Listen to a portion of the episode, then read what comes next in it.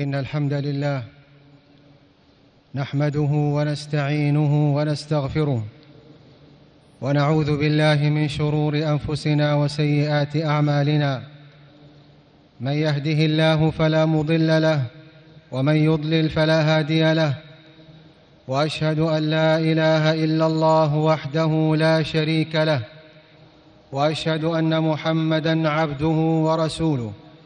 صلى الله عليه وعلى آله وأزواجه وذرياته الطيبين الطاهرين وسائر صحابته الكرام الأبرار الأطهار والتابعين لهم بإحسان إلى يوم الدين وسلم تسليما كثيرا.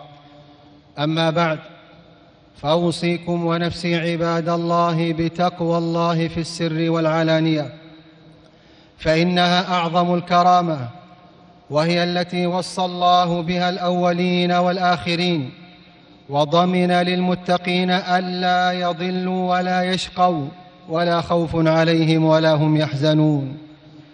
أيها المسلمون ليس هناك نعمة إلهية بعد الإيمان أجل ولا أعظم اثرا من نعمة العقل تلك الكرامة الربانية. التي هي من أكبر بدائع صنع الله الذي أتقن كل شيء وكل الدلائل والحقائق والبراهين تشهد أن البشرية جمعاء شهدت الوفاق التام بين منهج الله ووحيه وبين العقل البشري حينما جاء النبي محمد صلى الله عليه وآله وسلم بهذا الدين الكامل الهادي وتكاثرت النصوص الشرعية على ضرورة إعمال العقل واستخدامه في التفكر والتذكر والنظر والتبصر والاعتبار والاهتداء من أقرب الطرق وأصحها إلى معرفة الله وتوحيده والتعرف على أسرار التشريع والخلق والكون. وبدائع أقدار الله وحكمه والإفادة من ذلك كله فيما يعود بالنفع والخير على العبد في دينه ودنياه وآخرته. وأناطت الشريعة قيام التكليف بتوافر العقل وضرورة حفظه مما يفسده ويغيره ويعطل ملكته ويطمس نوره. وجعلت ذلك من الضرورات الخمس التي لا صلاح للعالم إلا بالقيام بها والحفاظ عليها وأصبح التكامل بين الوحي والعقل عنوان الشريعة. عنوان الشريعة. فلا تعارض بين صحيح المنقول وصريح المعقول. أمة الإسلام إن العقل الصحيح عدة المرء في النوائب وجنته في النوازل وقائده إلى الخيرات ودفع المضرات في العاجل والآجل. وإذا تم العقل تم معه كل شيء. وإذا فسد وذهب صار أمر العبد فرطا. ولا تجمل الحياة ولا يستطاب العيش إلا به. فهو يعين العبد على معرفة طرق الصواب والرشد فيسلكها. ويستبين سبل الخطأ والغواية فيجتنبها. والعقل والدين صنوان لا ينفكان فلا يتم دين المرء حتى يتم عقله. والعقل بلا دين ضلال وانفلات وغواية. والتدين بلا عقل بريد الفهم المنكوس والسلوك المشين وضيق العطن. وكم من وكم في ذلك من إساءة إلى النفس والناس وتشويه لصفاء الإسلام ونقائه. وقد كان الحسن البصري رحمه الله إذا أخبر عن صلاح رجل قال كيف عقله؟ فما تم دين عبد قط حتى يتم عقله. ومصداق ذلك من كلام الله تبارك وتعالى ويجعل الرجس على الذين لا يعقلون. العقل العقل من أجل مواهب الله لعبده وكلما عظم حظ العبد من العقل انتفع بمواعظ القرآن وهداية الوحي أيما انتفاع وأمسك بمفاتيح الحضارة والرقي وتسخير أسباب الأرض وخيراتها. للعيش فيها عيشة كريمة هانئة. أفلم يسيروا في الأرض فتكون لهم قلوب يعقلون بها أو آذان يسمعون بها فإنها لا تعمى الأبصار ولكن تعمى القلوب التي في الصدور. إن في ذلك لذكرى لمن كان له قلب يعني عقل لمن كان له قلب أو ألقى السمع وهو شهيد. وبين سبحانه وتعالى آياته الحسية والمعنوية والآفاقية لعلكم تعقلون وتتفكرون وتتذكرون وأفضل قسم الله للمرء عقله فليس من الخيرات شيء يقاربه إذا أكمل الرحمن للمرء عقله فقد كملت أخلاقه ومآربه سئل ابن المبارك رحمه الله ما أفضل ما أعطي الرجل؟ فقال غريزة عقل. قيل فإن لم يكن. قال أدب حسن. قيل فإن لم يكن. قال أخ صالح يستشيره قيل فإن لم يكن. قال صمت طويل. قيل فإن لم يكن. قال فموت عاجل. وقال لقمان لابنه وهو يعظه يا بني اعلم أن غاية السؤدد والشرف في الدنيا والآخرة حسن العقل. وإن العبد إذا حسن عقله غطى ذلك عيوبه وأصلح مساوئه. وسئل قتادة رحمه الله أي الناس أغبط؟ قال أعقلهم. وسئل أي الناس أعلم؟ قال أعقلهم. ولذلك قالوا عدو عاقل خير من صديق جاهل. أيها المسلمون إن العقل الذي مدحته الشريعة ورفعت من شأن صاحبه وحث القرآن في خطاباته على استدعائه لإعماله والإفادة منه كقوله عز وجل وما يذكر إلا أولو الألباب وقوله أفلا تعقلون؟ أفلا تبصرون؟ فاعتبروا يا أولي الأبصار أفلا تتفكرون؟ وغير ذلك كثير ليس هو العقل الغريزي فحسب بل هو قدر زائد على مجرد الآلة والملكة. إنه الفهم عن الله وعن رسوله صلى الله عليه وآله وسلم. الفهم عن الله وعن رسوله صلى الله عليه وآله وسلم الفاتح لأبواب البركات والعطايا الجاعل ما على الأرض من زينة للخيرات والفلاح مطايا المعين على الطاعات واجتناب السيئات والرزايا إنه العقل الذي يعقل صاحبه عن المساوئ والدنايا ويطلقه في اكتساب الفضائل وكريم السجايا. العقل الذي يحجز صاحبه عن خوارم المروءة وقوادح الشرف وسفساف الأمور ويحمله على معالي الأخلاق وكرائم الصفات. العقل الذي يرفع الذي يرفع الأفراد والأمم لتصلح للاستخلاف في الأرض فتعمرها حضارة وتقدما ورقيا. هذا هو العقل الممدوح في الشريعة. الذي أراد الله من خلقه أن يتصفوا به ويتحلوا بزينته ويستثمروه في كل نافع ومفيد. هذا هو العقل الذي رتب الله تعالى عليه بلوغ الكمالات وحصول الهدى والفلاح والنجاة من الآفات من الآفات الحضارية والأمراض القلبية والأخلاقية. فيرضى الله عن صاحبه ويبارك له في حياته وينتفع بهذه الموهبة وينتفع بهذه الموهبة نفعا عظيما ويصبح شامة متميزا بين الناس. ومن أجل ذلك من أجل عدم فهم الكفار لحقيقة, لحقيقة العقل الممدوح في الشريعة قالوا لو كنا نسمع أو نعقل ما كنا في أصحاب السعير. ولما سئل عالم مكة وفقيهها عطاء بن أبي رباح عليه رحمة الله لما سئل عن أفضل عطايا الله لعبده قال العقل عن الله. فالعقل عن الله والفهم لخطاباته ومراداته هو الباب الأكبر للحصول على خير الدنيا والآخرة. وهو في الحقيقة تمكين للعقل من تحقيق المقصود من إيجاده وخلقته.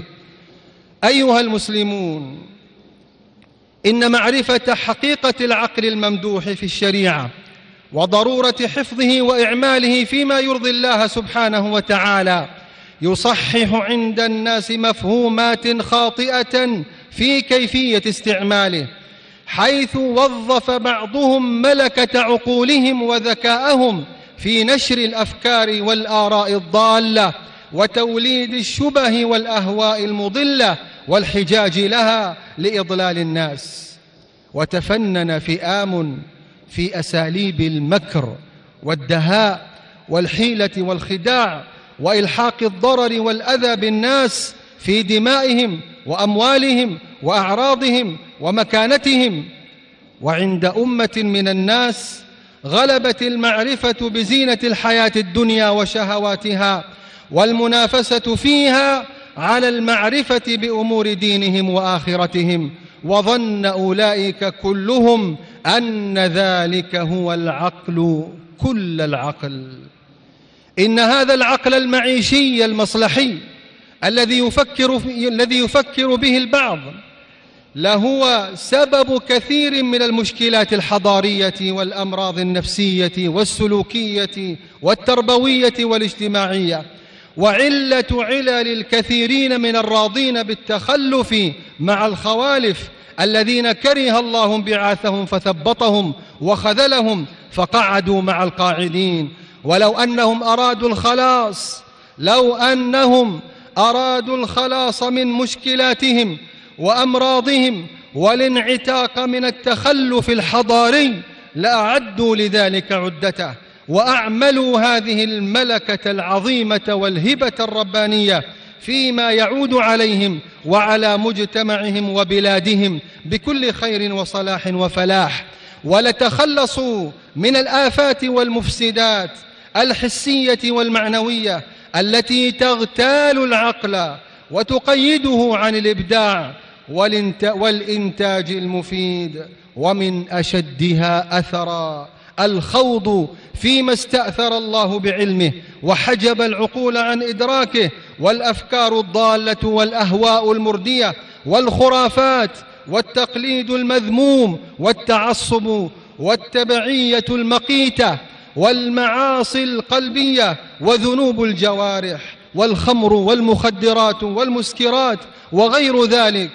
وغير ذلك من العلل التي تكبل العقل وتتسلل إليه فتعطله وتحرفه عن المقصود من إيجاده وخلقته وتؤثر فيه وتسلبه نوره وبركته كما قال الله تبارك وتعالى ولقد ذرأنا لجهنم كثيرا من الجن والإنس لهم قلوب لا يفقهون بها ولهم أعين لا يبصرون بها ولهم آذان لا يسمعون بها. وثبت عنه صلى الله عليه وآله وسلم عند الإمام أحمد والشيخين أنه يقال للرجل ما أظرفه ما أعقله وليس في قلبه مثقال حبة من خردل من إيمان. بارك الله لي ولكم في القرآن العظيم. ونفعنا بما فيه من الآيات والذكر الحكيم. أقول قولي هذا وأستغفر الله العظيم الجليل لي ولكم ولسائر المسلمين من كل ذنب فاستغفروه إنه هو الغفور الرحيم.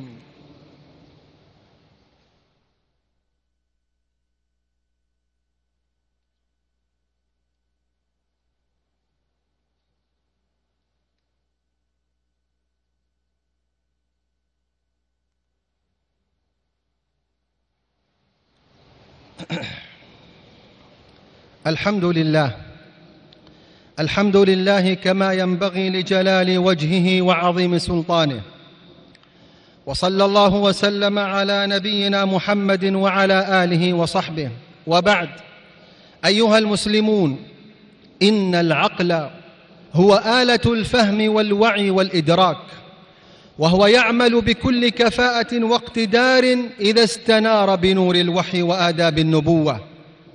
واستفاد من تجارب الناس واعتبر بأحداث الحياة والتاريخ وتقلب الأيام وتبدل الأحوال ومصارع الغابرين. فإن كل ذلك يزيد من عقله الغريزي ويوسعه وينميه ويكسبه عقلا واعيا سديدا مجربا. ويظهر عقل العاقل يظهر عقل العاقل المهتدي بنور الله المجرب الواعي في مواطن كثيرة فهو لا يقدم على أمر الله وأمر رسوله صلى الله عليه وآله وسلم شهوة ولا شبهة ولا قولا ولا, ولا رأيا. وإذا اشتبه عليه أمران اجتنب أقربهما إلى الهوى. وهو دائم التفكر والتذكر والاعتبار بالمآلات والأحوال والمحاسبة للنفس مما يعينه على حسم الداء قبل أن يقع فيه وتقديم العافية على البلاء فإذا ابتلي رضي وصبر. وهو يعلم أن البلاء موكل بالمنطق فلذلك تراه يحرص على الصدق ويتخير الكلام النافع المفيد ويحذر من آفات اللسان المردية التي تقدح في عقله ومروءته. من الكذب من الكذب وهو أشنعها والغيبة والنميمة والشماتة. وهو لا يأمر الناس بالبر وينسى نفسه ولا يسأل عن أشياء لا تنفعه ولا, ولا تعنيه ولا يتكلم فيما لا يحسنه. فمن حسن فمن حسن عقل المرء وإسلامه تركه ما لا يعنيه ومعرفته مقدار نفسه. والعاقل العاقل يعلم حقيقة الدنيا وأنها متاع زائل ولهو ولعب وتفاخر وتكاثر في الأموال والأولاد وزينة تخلب الألباب وتغر أهلها وتميل بصاحبها فيأخذ عرض هذا الأدنى ويقول على الله غير الحق. والدار الآخرة خير للذين يتقون. أفلا تعقلون؟ وما عند الله خير وأبقى. أفلا تعقلون؟ أيها المسلمون ليس هناك أحرص من العاقل على جمع الكلمة والوحدة والألفة والتغافل عن الهفوات والزلات. ونبذ التفرق والنزاعات والخصومات والتحريش الشيطاني وزينة العاقل زينة العاقل التواضع للناس كافة وإنزالهم منازلهم ومعاملتهم بظواهرهم وترك سرائرهم إلى ربهم. وهو لجودة عقله لجودة عقله لا يحسد أحدا ولا يحتقره. ولا يحمل الحقد من تعلو به الرتب ولا يستخف بأحد ولا يستخف بأحد. فإن من احتقر العلماء والأتقياء أهلك دينه. ومن استخف بالسلطان ومن استخف بالسلطان واستهزأ به أفنى دنياه وأهان نفسه. ومن تتبع عورات إخوانه خرم مروءته. وأزرى بنفسه وحسن السمت وطول الصمت والرزانة من دلائل عقل العاقل الذي لا تستفزه الأحداث ولا يستخفه الذين لا يوقنون ولا تستجره الأهواء ولا تطيش به النزوات والعاقل هو الذي قد غلب حلمه غضبه وعدله ظلمه وتواضعه تكبره وإنصافه بغيه وإجحافه وتثبته تسرعه وأناته وترويه عجلته وطيشه وصبره جزعه ووقاره حمقه ومشاورته للعقلاء استبداده برأيه وحسن تدبيره واقتصاده في معاشه تفريطه وتضييعه ومروءته وترفعه حرصه على الشرف والجاه فكم أذل الحرص والطمع من أعناق الرجال. كم أذل الحرص والطمع أعناق الرجال. وهو يجل الكبير ويرحم الصغير ويبر والديه ويبر والديه ويعطف على أهله وعياله ويكرم جاره وضيفه ويصل أرحامه ويهتم بأمر المسلمين ويعين على نوائب الدهر. وبكل حال فهو إلى كل خير أسرع وعن كل زلة وخطأ ينيب ويرجع. فلله فلله ما أهنأ عيشه وأطيب حياته وأسعد نفسه وأشرح قلبه وصدره. وتلك جنة معجلة تلك جنة معجلة في الدنيا. لا يدخلها إلا الموفقون المسددون الذين عقلوا عن الله وعن رسوله صلى الله عليه وآله وسلم. أيها المسلمون النساء شقائق الرجال. النساء شقائق الرجال ولهن في كل ما ذكر نصيب وافر. وكم من نساء المسلمين من كان لها في الماضي والحاضر مواقف العقلاء ومروءة النبلاء. ونقصان عقل المرأة ونقصان عقل المرأة إنما هو في أن شهادة رجل تعدل شهادة امرأتين ليس إلا. كما بين ذلك النبي صلى الله عليه وآله وسلم فكفوا أيها الناس كفوا عن تعيير المرأة بذلك بعد بيان رسول الله صلى الله عليه وآله وسلم. ثم صلوا على سيدنا وحبيبنا رسول الله. فإن الله عز وجل قد أمرنا بالصلاة والسلام عليه حيث قال في محكم تنزيله إن الله وملائكته يصلون على النبي يا أيها الذين آمنوا صلوا عليه وسلموا تسليما. وثبت عنه صلى الله عليه وآله وسلم عند الإمام أحمد أنه قال أتاني آت من ربي عز وجل فقال إن الله كتب على من صلى عليك صلاة واحدة كتب له بها عشر, صلو عشر حسنات ورفع له عشر درجات ومحى عنه عشر سيئات ورد عليه مثلها فاللهم صل وسلم على نبينا وحبيبنا وسيدنا وقدوتنا محمد وعلى آله وأزواجه وذرياته وسائر صحابته الكرام الأبرار الأطهار والتابعين لهم بإحسان إلى يوم الدين. اللهم أعز الإسلام والمسلمين. اللهم أعز الإسلام والمسلمين وأذل الشرك والمشركين. اللهم انصر دينك وكتابك وسنة نبيك وعبادك الصالحين. اللهم انصر إخواننا المسلمين المستضعفين في كل مكان. اللهم انصر إخواننا المسلمين المظلومين في بلاد الشام وفي فلسطين وفي العراق وفي اليمن وفي كل مكان يا رب العالمين. اللهم وفق ولي أمرنا لما تحبه وترضاه.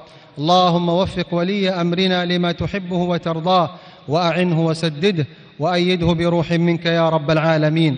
اللهم وفقه ونائبيه لما فيه صلاح العباد والبلاد واجعلهم مفاتيح للخير مغالق للشر برحمتك يا أرحم الراحمين. اللهم اغفر لنا وارحمنا. اللهم اغفر لنا ولوالدينا ولجميع المسلمين. اللهم أكرمنا ولا تهنا وأعطنا ولا تحرمنا وارفعنا ولا تضعنا وزدنا ولا تنقصنا وآثرنا ولا توثر علينا وانصرنا ولا تنصر علينا وكن معنا ولا تكن علينا. اللهم انصرنا على من ظلمنا. اللهم انصرنا على من عادانا. اللهم انصرنا على من بغى علينا. اللهم لا تشمت بنا الأعداء ولا الحاسدين. برحمتك يا أرحم الراحمين. وصلى الله وسلم وبارك على نبينا محمد وعلى آله وصحبه أجمعين.